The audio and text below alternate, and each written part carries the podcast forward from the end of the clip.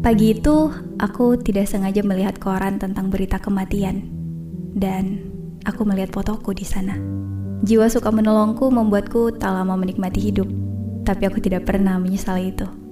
Aku berjanji untuk selalu melindungi orang-orang yang aku sayangi. Mungkin itu bisa menjadi alasan mengapa sampai saat ini aku tidak berada di alamku dan tetap berada di sini.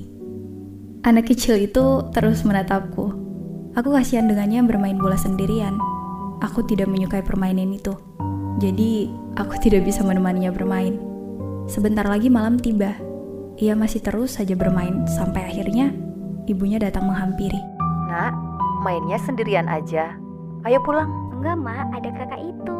Setiap hari dia berdiri di pojok sambil menemaniku bermain. Sejak saat itu, anak kecil itu tidak pernah terlihat lagi. Mungkin ibunya sudah melarangnya bermain di sini.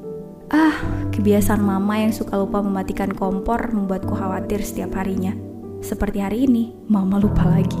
Aku mencarinya ke kamarnya, tapi kamarnya kosong. Hmm, mama di sini lagi rupanya, di kamarku, memandangi fotoku dan menangis. Andai mama tahu kalau aku juga sangat merindukannya. Mama di sini lagi ya? Mama jadi ke makam kakak nggak hari ini? Kamu sendirian di rumah, gak apa-apa kan? Gak apa-apa, Mah. Sore itu, Mama dan Papa mengunjungi makamku. Aku tidak ikut. Entah kenapa, aku lebih memilih untuk tetap di rumah bersama adikku.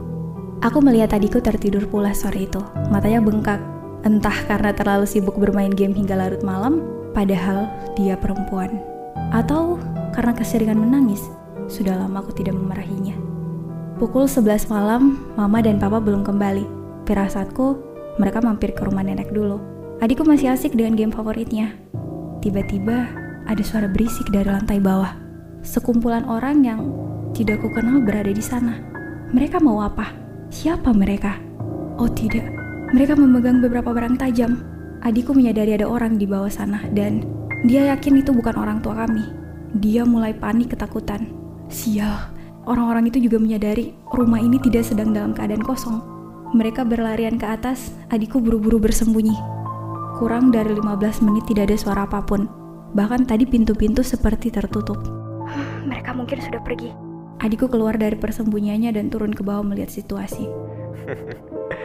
Gadis kecil itu mengunci pintunya yang terakhir. Lucu sekali. Padahal kita sudah berada di dalam. Iya, lucu sekali. Kalian juga tidak menyadari ada aku di sini. Aku menatap mereka dengan tajam. Mereka yang terdiam melihatku.